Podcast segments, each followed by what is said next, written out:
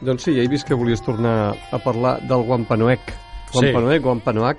Wampanoag, o Wampanoag. Wampanoag o Wampanoag, ara Sí. no sé. Ja no És a dir, que tornem a Massachusetts, David Valls. Tornem a. Massachusetts. Perquè hi vam parlar, ja, ja hi vam anar fa, Vam parlar, sí, fa algun eh, temps. em, ràpidament. O sigui, no és que parlem del Wampanoag, de fet també se'n deia la llengua Massachusetts, Sí. eh? perquè són els Massachusetts. Molts, molts estats dels Estats Units porten el nom, i no cal dir la toponímia de grans ciutats com Chicago. David Valls, lingüista. o noms de, de les tribus que hi vivien o que encara hi viuen, o noms que els deien, escolta'm, allò d'allà com se diu? En Chicago, no? Tu saps quina semblança hi ha entre Chicago i Esparreguera?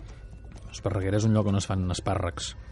Chicago és un lloc on s'hi fan... Amb la llengua indígena que es parlaven allà era un lloc on Esparreguera era. Ah, veus, veus, veus. Per tant, tenim moltes semblances. És molt de mite, Molt de mite, sí, no tot és cert. amb això de la llengua. Exacte, i tant, i tant, sí, sí. que, que no tot és cert. Però això, el Wampanoag o de la llengua Sí, Massachusetts... Sí, vam eh? parlar del Wampanoag, que això és cert, que és una llengua que feia més de 100 anys que s'havia deixat de parlar, no, no quedava ningú que la parlés, i 100 anys després doncs, un, una persona d'aquesta ètnia doncs, va decidir, ara ho expliquem molt esquemàticament, mm, recuperar la llengua a través de textos antics i 100 anys escaig mm, després doncs, és una llengua que comença a tenir parlants una altra vegada. Clar, i algú pot dir, i per què recuperar una llengua? És clar, bé, no ho sé. I tan petita com aquesta, tan minoritària, Clar. i, almenys inicialment. I en un lloc com els Estats Units que dius, tens aquí al voltant Però si 300 tens milions, l'anglès, d'ang- tens 300 l'espanyol, el milions d'anglòfons aquí Clar. que, que, Per que, què ressuscitar el Wampanoag? O fer reviure o revifar? Clar, um, tot això m'ha vingut una mica d'inspiració no? De- d'un escrit que va sortir no fa gaire al diari digital VilaWeb i era un escrit doncs, um, fet pel GELA, que és el grup d'estudi de llengües amenaçades Conec. Sí, i era un, es titulava Un coneixement que es vol desconèixer, no? I aquest escrit deia doncs, coses com que doncs, hi ha qui diu que per justificar la dominància d'unes llengües per sobre d'unes altres, que les llengües serveixen per comunicar. Diuen que les llengües serveixen per comunicar. O sigui, hi ha gent que diu que les llengües serveixen per comunicar i que el que és important és que ens entenguem. No sé si és un discurs que jo a vegades he sentit. No, fem un Aquí castellà... el que important és sí, que ens entenguem. en, en, en espanyol que nos entendemos todos, no? Jo això ho he sentit més d'una vegada, no? Però que això realment no és més que una excusa que du a la deserció, a la substitució lingüística de les llengües més dèbils. La comunicació no només és una de les funcions de la llengua, sinó que en té moltes altres. Per exemple, la llengua també és identitat i també és coneixement. Eh? Tenim un cervell que ens permet parlar, però que també ens permet categoritzar, interpretar i conèixer. Mm? De I- fet, en i aquest aquí n'hem parlat moltes sí, vegades. de fet, en aquest programa hem parlat de la categorització dels colors i de l'espai, com les llengües veuen els colors, com perceben l'espai i tot això, no? Clar, és que una llengua és una visió, et dona una visió, del- Clar. una manera de mirar-se al món. Correcte. I llavors tot això per què ho explico? Doncs perquè qui més qui menys doncs deu haver sentit dir alguna vegada que això que dius ara. Una llengua és una visió diferent del món. De fet, l'escriptor George Steiner diu que com més llengües sapiguem, millor. Home, i tant. Eh? Que cada llengua és una finestra a un nou món. I amb cada llengua que aprenem, aprenem noves coses i noves maneres de veure la realitat. Clar, perquè entens la forma en què aquell grup humà, doncs... Correcte. És per això que llavors les llengües són molt més que simples sistemes de comunicació. Mm? O sigui, no és allò de no, fem amb aquesta llengua perquè ens entenguem bé, perquè ens entenguem, sí, d'acord. No, no, i d'aquí la, la importància de, de que es perdi una llengua, perquè es perd una manera que va tenir un grup humà de veure Ah, el món o mateix. d'interpretar-lo. Ah, llavors, com que les llengües són molt més que sistemes de comunicació, doncs perquè no es coneguin també aquestes formes de conèixer la realitat, doncs ja fa anys que de fet hi ha organismes internacionals, universitats, que es dediquen a enregistrar llengües que estan a punt de desaparèixer, perquè com a mínim els coneixements que van implícits en aquesta llengua no es perdin. Clar, perquè si es perdés, doncs, efectivament. És coneixement. Sí, sí, és És coneixement. Ah, D'aquí, doncs, que nosaltres li donem un altre valor a la llengua, no només el de una forma eh, de comunicar-se, Ah, això mateix. una manera de comunicar-se. Eh? Llavors, vull dir, serien coses com podríem parlar, no sé, per exemple, en, en castellà i anglès, ara em ve el cap, no? Doncs és important distingir entre comptable i no comptable, no? Per això en castellà diuen muy i mucho, mucho. i en anglès també fan el many i el match, que el match i el mucho s'assemblen molt, Sí però cert. és una coincidència, eh? no tenen res a veure. Eh? Però en canvi en català és irrellevant, en català sempre diem molt. De fet, jo me'n recordo quan era més jove i allò que començava a parlar castellà, que m'hi vaig posar tard, eh, em confonia. En castellà a vegades deia sempre mucho o deia sempre muy. Clar. I em confonia. Ara la gent pot riure una mica, dius, home, però si tu en la teva llengua no ho tens això, no, no veus la necessitat de dir-ho en l'altra llengua, no? Fins que te n'adones i la gent diu, ostres, o te n'adones tu mateix, no? Que, que, que són aquestes diferències, no? Eh, Llavors, eh, parlem una mica El que és important per uns i no ho és pels altres. Clar, rellevar certes... Eh, fer de pos- posar rellevància en certes coses, però que simplement no, no ens n'adonem, eh? Vull dir, són coses... Inconscients. Inconscients, no? Mm. Llavors, mm, aquí ve tota aquesta explicació i per què hem començat amb el Wampanoag. Hem començat amb el Wampanoag perquè és una llengua que reneix, no? que torna a néixer, però avui potser parlarem també una mica del català, que en alguns aspectes, ja em perdonareu per aquells que no vull ser pessimista, potser eh, és una llengua que en alguns aspectes anem perdent, anem a menys, que diuen, no? Clar, perquè a vegades el, els parlants no, no s'amoïnen gaire, No, no? De, Clar, hi ha una certa... eina que els hi permet ha, expressar-se. hi ha una certa deixadesa, però aquesta deixadesa no és sempre feta expressament. Hem de tenir en compte les condicions que ha viscut el català aquests últims 300 anys, i especialment aquests últims 40 anys, que aquí ha vingut molta gent de fora, que no té el català com a primera llengua, i que els que tenen el català com a primera llengua, o els que el tenim com a primera llengua, no tothom ha tingut l'oportunitat d'estudiar-lo o de parlar-lo en ambients, eh, utilitzar-lo, millor Amb dit, amb, amb, normalitat. amb normalitat i naturalitat. No? Clar, llavors All- què passa? Ah, Llavors, què passa? Mira, mm, no només m'he inspirat avui parlar això arran de l'article aquest del Gela, sinó també arran de l'escola o la llar d'infants on porto la meva filla, que té 3 Ah, sí? anys. Què t'ha passat? No, no ha passat res. Passa, passa que la porto... És que amb- m'ha vist espantat, No, m'ha no espantat. passa res. Passa que és una llar d'infants, que no passa res, hi ha pares de tot arreu, n'hi ha de castellanoparlants, n'hi ha de catalanoparlants, eh, n'hi ha de castellanoparlants que parlen català i n'hi ha de castellanoparlants doncs, que no parlen català, ells sabran per què ho fan. Però, en tot cas, eh, clar, hi ha barreja, com a tot arreu, no? Eh, Llavors, clar, hi ha coses que mm, jo ja no parlo ara com a lingüista, sinó com a persona catalanoparlant, de família catalanoparlant, que ha heretat el català, que els meus avis ja el parlaven, Dels avantpassats. avis i anar fent, no? Um, jo, mira, eh, això no es tria, jo m'ha tocat això i ho he viscut així, no? I és clar, un dia em vaig posar a apuntar coses que sentia, no? Estranyes, Oh, si no? ho féssim, això. Clar, d'aquests matisos que parlàvem, no? que una llengua és coneixement i aquestes coses que van implícites en la llengua i que no ens n'adonem. I, per exemple, el, mm, posarem exemples, no? Arriba el dia del tió, fer cagar el tió, i de cop i volta una sèrie de pares, eh, catalanoparlants, a més a més, van començar a dir als seus fills eh, que piquessin el tió amb el pal. Piqueu-lo amb el pal. I em vaig quedar amb el pal. De telèfons. Sí, no sé, amb el pal de telèfon, amb el pal de l'escombra, no sé. No, tot és un bastó. Tota la vida ha sigut un bastó. A més, és, és com diu la, la Que els cançó, diguin no? amb els avis. Li darem bon cop de bastó, no? És clar, llavors que jo que sóc curiós, aquí hi ha el meu vessant lingüista, no? Te'n vas a mirar al tu diccionari, t'hi no? fixes, tu t'hi fixes, tu t'hi fixes. Clar, jo m'hi fixo, vas, allò, de vas a mirar el diccionari... Clar, això. dius, a veure si és que també eh, podem dir pal d'això, en podem dir pal.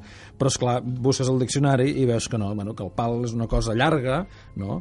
i un bastó és una cosa més curta, més portable, més manejable, no? Un bastó doncs, que pots agafar amb les mans per picar, doncs això, un Uh, bastó. però el mal ús de paraules passa amb moltes paraules. Amb moltes, moltes. I a vegades Aquesta- és que ho fem inconscientment. Per exemple, mm, vam fer una jornada de portes obertes per promocionar l'escoleta i, i volíem fer xocolata desfeta.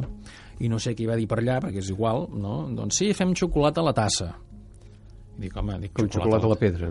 Sí, dic que és xocolata desfeta o xocolata calenta. Per què? Doncs en català és rellevant o devia ser rellevant en el seu moment que la xocolata aquella fos desfeta. El més rellevant com estava la xocolata, Clar, que allà, de la que allà, xocolata que allà... allà on la posàvem, Exactament. perquè ens la podem prendre amb una tassa, ens la podem prendre amb un got, Però per o què? galet. Eh? Ara ens hauríem de preguntar per què en català és més rellevant això Clar. i, i en una altra llengua Això el primer que ho va veure va dir desfeta, però és que és com... Clar, però la gent no se n'adona, però és que si ara parlant en castellà i jo digués eh, me voy a tomar chocolate deshecho, que està perfectament dit i format, vull dir, no he dit cap disbarat, et dirien què dices. Clar, el problema és que quan tu dius al revés en català xocolata a la tassa, ningú s'immuta i ningú diu res.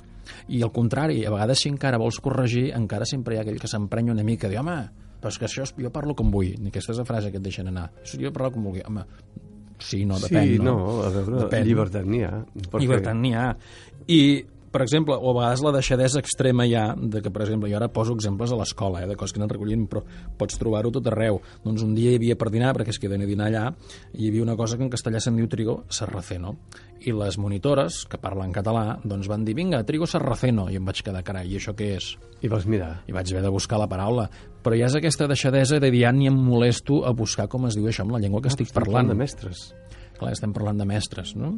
Eh, Llavors, vaig buscar el diccionari i resulta que del trigo sarraceno en català se'n pot dir blat negre, fajol, cairat, blat serraí, blat cairut, o sigui que mi- mireu si n'hi ha de Si paraules n'hi ha de maneres de, de dir-ho i hem d'anar a dir la, la, la que no és, no? Clar, tot això són símptomes, ja no només dels matisos de la llengua, però si tu agafes un manual de lingüística i mires a l'apartat de mm, mort de les llengües, les llengües no només es moren perquè les deixin de transmetre o de parlar, sinó que es moren per deixadesa, per deixadesa dels mateixos parlants que van incorporant paraules i- D'altres llengües. i d'altres llengües i estructures que no són pròpies fins que allò acaba per ser una llengua que li falten registres Acabaríem sent un pidgin. acabaríem sent un pidgin. Sí, acabaria sent Un un, pidgin generalitzat, eh? perquè o- afectaria o tots un- els àmbits. O un patuès, que al final ja no és percegut com una llengua completa, com una llengua que serveix per tot, de fet, el català ja és percebut així. Tu preguntes un jove, un noi de 15, 16, 20 anys que et digui insults en català, parolotes, renecs, no te'n sabrà dir cap.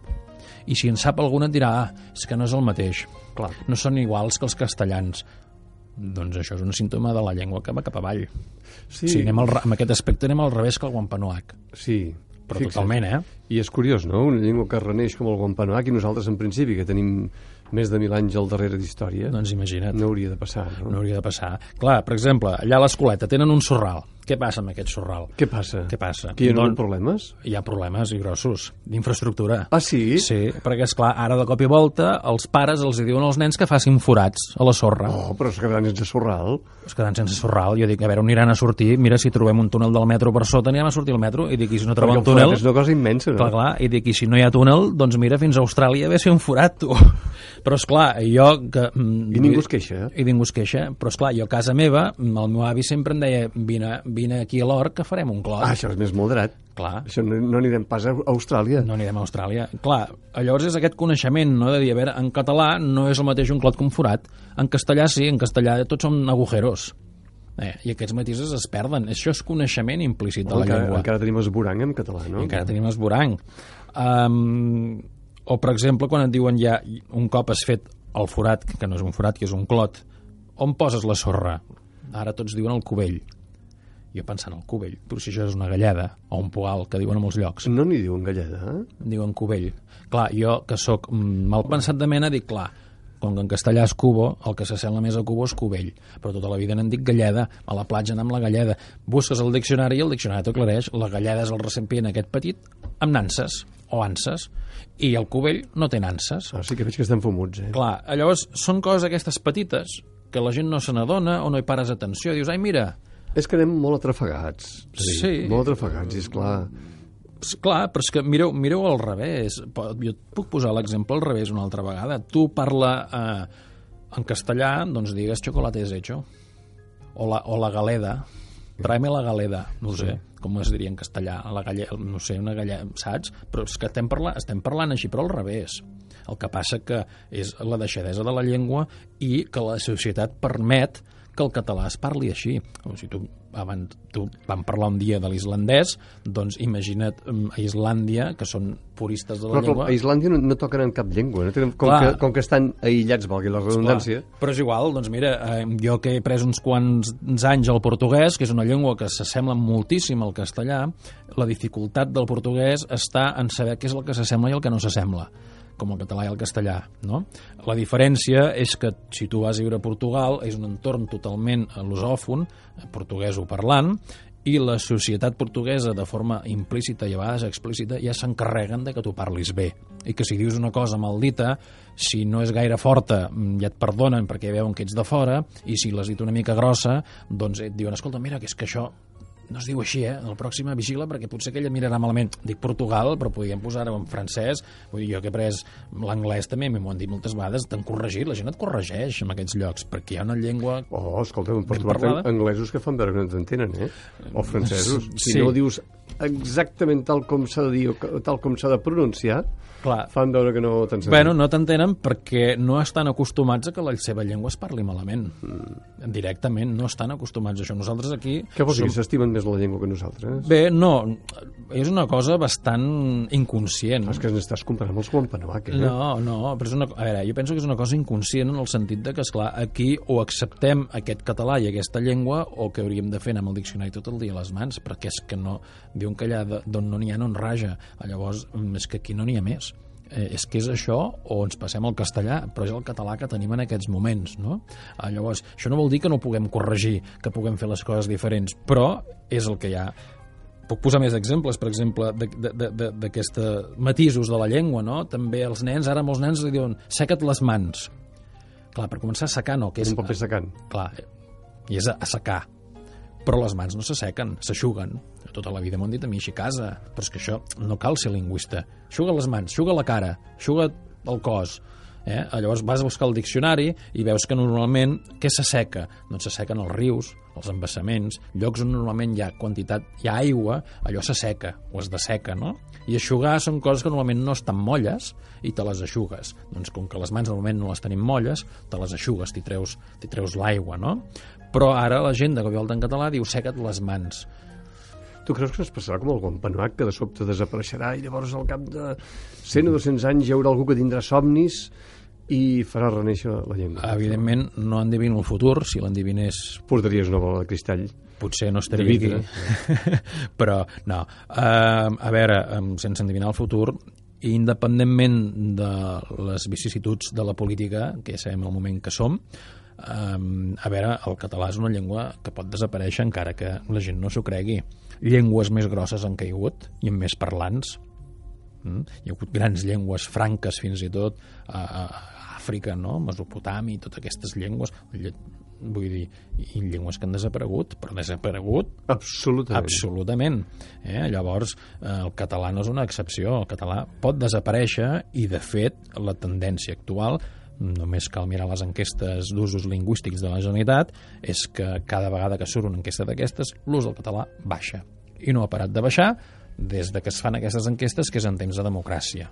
Mm? Ah, Llavors, eh, jo si em baso en aquestes enquestes, sí que el coneixement augmenta, però l'ús baixa. Llavors, el coneixement Bé, el coneixement no vol dir res perquè conèixer, conèixer, mm, tots sabem fer sumes i restes, però no vol dir que sumem i restem cada dia. També ensenyen llatí a l'escola i ensenyen grec clàssic, i no vol dir que el sapiguem parlar, no? Llavors, perquè sàpigues català, doncs, bueno, és com qui sap també mil coses pot saber, però això no vol dir que les posin en, en ús. Quin missatge d'alerta, eh? Ens has portat avui. Clar, també. clar. Quan Llavors, has començat eh, a parlar del Guampanoac, jo em pensava jo que venia aquí, que havia portat aquí un- a Massachusetts eh, i, i hem, hem, hem acabat a casa. Eh? Clar, jo havia portat aquí un... Si vols puc posar més exemples d'aquests no, matisos, sí, ja ho veig, ja ho veig, ja ho Clar, veig, mira, veig, i si ja- me'n deixes posar un altre, o dos més, va, tampoc posar dos més? va, Vinga, endavant, ràpids. endavant. No, perquè aquests també són bastant aclaridors, no? Um, també, coses que he sentit a l'escoleta aquesta. Són nens petits que tenen dos, tres, quatre anys i què fan els pares? Els agafen en braços, A coll, no? A coll. Molt bé. És, és correcte? A coll, a coll, Ah, ho has dit bé. Home, però els pares, fet el gest sí, així, però els pares què diuen? Però els pares què diuen? En braços. Molts pares diuen en braços. Però en català no agafem en braços. Que els agafem amb els braços, però els agafem A coll. A coll. La percepció. O coll i bé, que es deia. A coll i bé. Correcte. A coll, doncs no sé, ara faig interpretació jo, perquè en català doncs, és rellevant el fet de que el nen de fet el posa al costat del coll i se t'agafa del coll o d'aquí l'espatlla Sí, i per nosaltres és agafar el nen a coll. En castellà és en brazos, però ara tothom diu en braços. Eh? Bé, tothom, ja has vist que Bé, tothom, eh? no.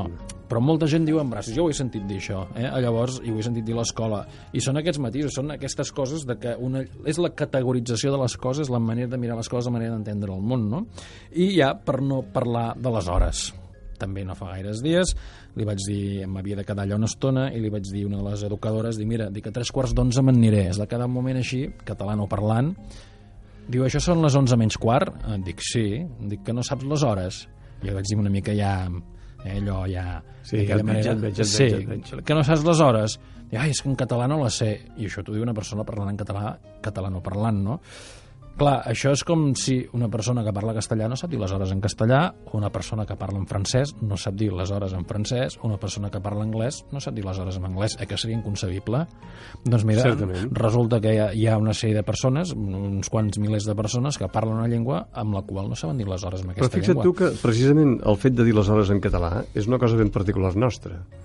Clar, però en anglès tenen un sistema també que van per quarts, quan diuen quarter, quarter to five, és, Bastant- un, és un tres quarts de, és molt és un tres quarts de cinc la també llengua, sí. és una mica similar és, parlar a quarts és molt semblant de fet abans no avi ho deia d'aquí quatre quarts, d'aquí cinc quarts jo l'havia sentit dir, parlar molt a quarts Per no? no entrar les mesures de pes. Sí. per no entrar les mesures de pes però, és clar són o sigui, el tema de les hores és uh, un signe més de la decadència de la llengua i de la poca importància que hi ha. O sigui, jo... La poca estima, diria jo, perquè si una cosa te l'estimes... Doncs sí, però el que passa és que també la, ja ho entenem. Cura, no? O sigui, el problema ja és que com que tots també ens entenem, si diem les 10 i mitja, i mitja o i mitja, que mitja ja no sé què vol dir, però i mitja, eh, ens entenem igualment. Si en comptes de dir galleda dic cubell, també ens entenem.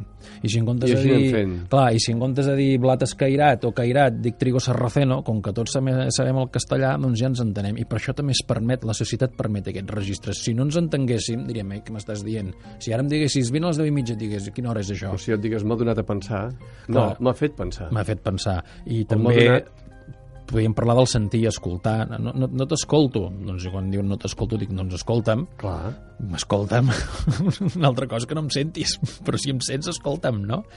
Clar, són matisos d'aquests que es van perdent, però es Ara veig que perden... tenim feina. Avui ens has posat feina, eh, Clar, David? Ens has posat molta perden, feina. Es perden pel contacte i, i, i la intrusió, no sé si penses aquesta paraula, constant, i es van perdent registres. I llavors, El clar, contacte constant. una llengua que va perdent registres i que cada cop es percep com menys completa de dir, no, és que això en català no queda bé perquè, mira, aquests renecs, o dir les hores així fa de poble, o fa... Però jo me'n recordo el començament, el començament fa alguns anys, eh? vull dir, que bústia, per exemple, havia caigut Sí. en desús. Sí. Absolutament, dir bústia era un- Sí, pràcticament... no, no, bé, si ningú, deixes, jo, jo també ho recordo. Si em deixes dir una animalada, no? Perquè Sí. tothom deia bu, el, el bussó, no? El Busson, el bussó, sí. no, eh?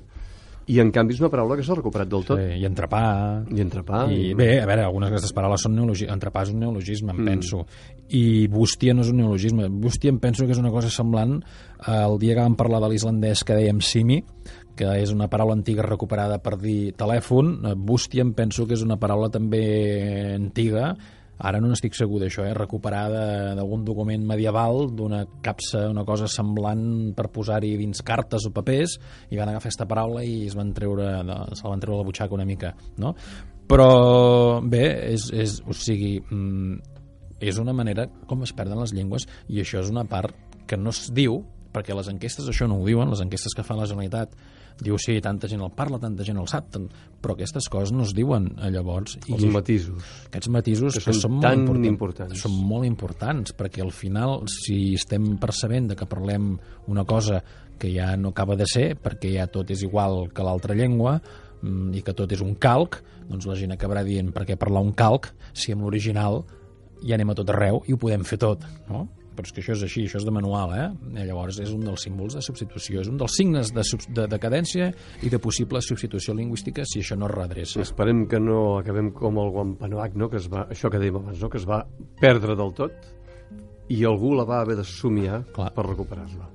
Si això passés, en tot cas, els que eh, som en aquest estudi i amb tota seguretat el que ens escolten, no ho veurà ningú. En David Valls, moltes gràcies. A vosaltres. I porta bones notícies quan tornis. El pròxim dia, bones notícies. Fins aviat.